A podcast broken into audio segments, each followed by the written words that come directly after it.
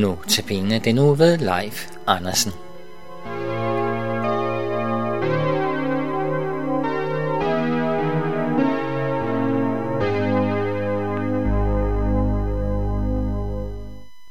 Velkommen til Notabene. Hvad er det vigtigste, vi ved om Gud? Igennem kristendommen, igennem Bibelen, der ved vi en masse ting om Gud. Vi bekender øh, troen på Gud. Vi har en apostolsk trosbekendelse, hvor vi fortæller øh, om, hvad vi tror om Gud, om faderen og sønnen og helligånden. Men hvad er det vigtigste, vi ved om Gud? I denne uge ser vi på 1. Johannes brev. Og 1. Johannes brev har en fuldstændig vidunderlig og meget berømt sætning i kapitel 4, vers 8, at Gud er kærlighed. At Gud er kærlighed. Og det er det vigtigste, vi ved om Gud. Alt andet, vi ved om Gud, springer ud af dette. Jeg har samtidig hørt øh, kristne sige, at ja, på den ene side er Gud kærlighed, og på den anden side kan han jo også være streng, eller øh, hvad ved jeg. En hver sætning, der begynder med på den ene side er Gud kærlighed, bliver forkert. For der er ikke nogen på den anden side. Jo, Gud kan også være streng, ligesom han kan være mild og god, men også hans strenghed er kærlighed. Der er ikke noget i Gud, der ikke er kærlighed. Det er det vigtigste, vi ved om ham. Så kan man måske godt undre sig. Det vil jeg tro, de fleste har gjort for tid til anden. Hvorfor viser han det så ikke noget mere? Hvorfor er det ikke tydeligere, at han er kærlighed, hvis det skulle være det vigtigste, vi ved om ham?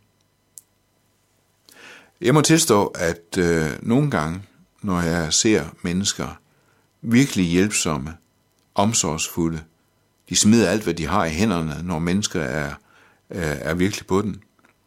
Og de gør, hvad de kan for at hjælpe, og for at trøste, og for at løfte og bære, og det må gerne koste. Og der må jeg tilstå, at sommetider så får jeg den tanke, her kunne Gud godt lære et eller andet. Hvorfor gør han ikke selv det?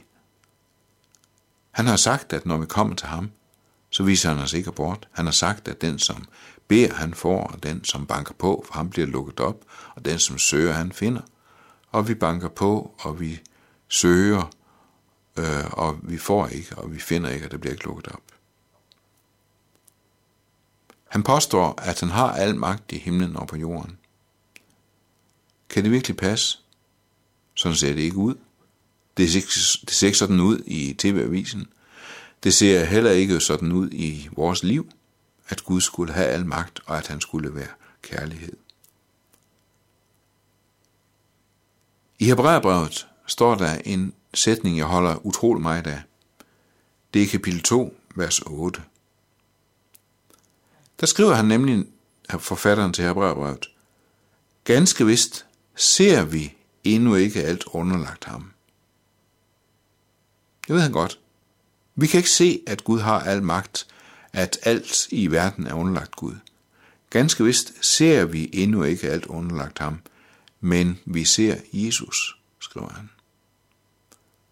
Jeg har svært ved at se i verden, jeg har svært ved at se i mit eget liv, måske fordi jeg også er lidt af tudfjæs. Jeg har svært ved at se det i venners liv, at Gud skulle være kærlighed, og at han har al magt i himlen og på jorden. Men i Jesus kan jeg se det, at Gud er kærlighed. Da Johannes han skriver, at Gud er kærlighed, så fortsætter han, at derved er Guds kærlighed blevet åbenbart iblandt os, at Gud har sendt sin enborne søn til verden, for at vi skal leve ved ham. Så det er der, det kan lade sig gøre at se, at Gud er kærlighed. Jeg har måske svært ved at se det i menneskers liv, eller samtidig også i mit eget liv, men jeg kan se det i Jesu liv. Derved er Guds kærlighed blevet åbenbart iblandt os, at Gud har sendt sin enborne søn til verden, for at vi skal leve ved ham.